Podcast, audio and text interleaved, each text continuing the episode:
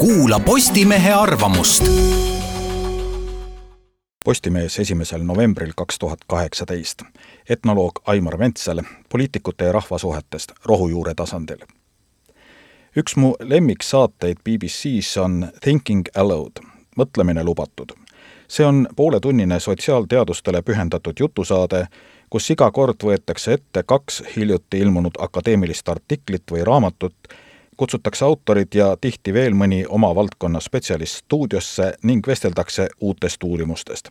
Thinking Aloud annab hea võimaluse hoida ennast suhteliselt väikese vaevaga kursis uute ja aktuaalsete teaduspublikatsioonidega hiljuti anti eetriaega Manchesteri Metropolitan University professori Kate Pauli raamatule, mis räägib raamatukogude sotsiaalsest rollist kogukondade jaoks. autor oli muidugi ise kohal ja kõige muu seas ütles midagi mõtlema panevat.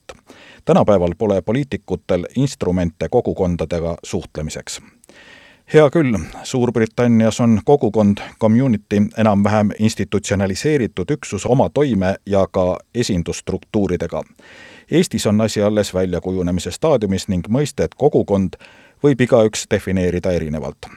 mind pani hoopis mõtlema see, millised instrumendid on praeguse aja poliitikutel Eesti Vabariigis, et suhelda nii-öelda rohujuure tasandiga kui nii võtta, siis eriti palju kahesuunalisi suhtluskanaleid ju polegi. kohaliku tasandi poliitikutel on võimalusi muidugi rohkem, nad elavad kogukonnas ja on osa sellest sellel algtasandil läheb aga tihti kildkondade vaheliseks löömiseks ja kemplemiseks, nagu rohked uudised pea iga nädal edastavad.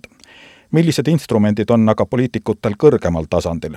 Nüüd, kui arutatakse Riigikogu suuruse üle, oleks vast paslik ka mõtteid mõlgutada, kuidas ja mismoodi rahvaesindajad oma valijatega suhtlevad kui aus olla, siis kõige aktiivsem suhtluse vorm on parlamendiliikmetel harvad kohtumised valijatega. tavaliselt on neid enne valimisi rohkem, muidu vähem.